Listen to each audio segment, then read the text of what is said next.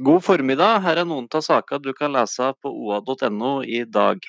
Boligmarerittet i Landåsbygda fortsetter å vekke oppmerksomhet. Vegvesenet sier nå at vannet er grunneiers ansvar, mens kommunen da sier at hun ikke finner noen byggetillatelse.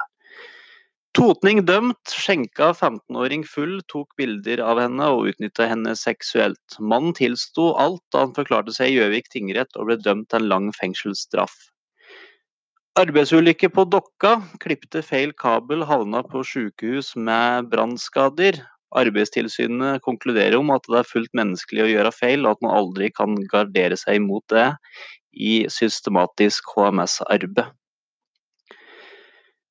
Vi fortsetter med saka om mobbing i Gjøvikskolen. Lærere granskes i Gjøvikskolen, slo hardt i pulten, kjefta, skrek og var skummel. Ifølge, ifølge fylkesmannen har elever opplevd seg mobba og trakassert av lærere i grunnskolen på Gjøvik. Så avslutter vi med en positiv sak. I Flubber har fem, nei, 400 norske rednecks base. Eh, redneckene i Will Hog Rebels lever det enkle livet med mye humor og godt kameratskap. En får ikke mer moro enn å lage sjøl, sier en av dem OA har prata med, og den fornøyelige reportasjen kan du nå lese på vår nettutgave. Da gjenstår det bare å ønske alle sammen en fortsatt god dag.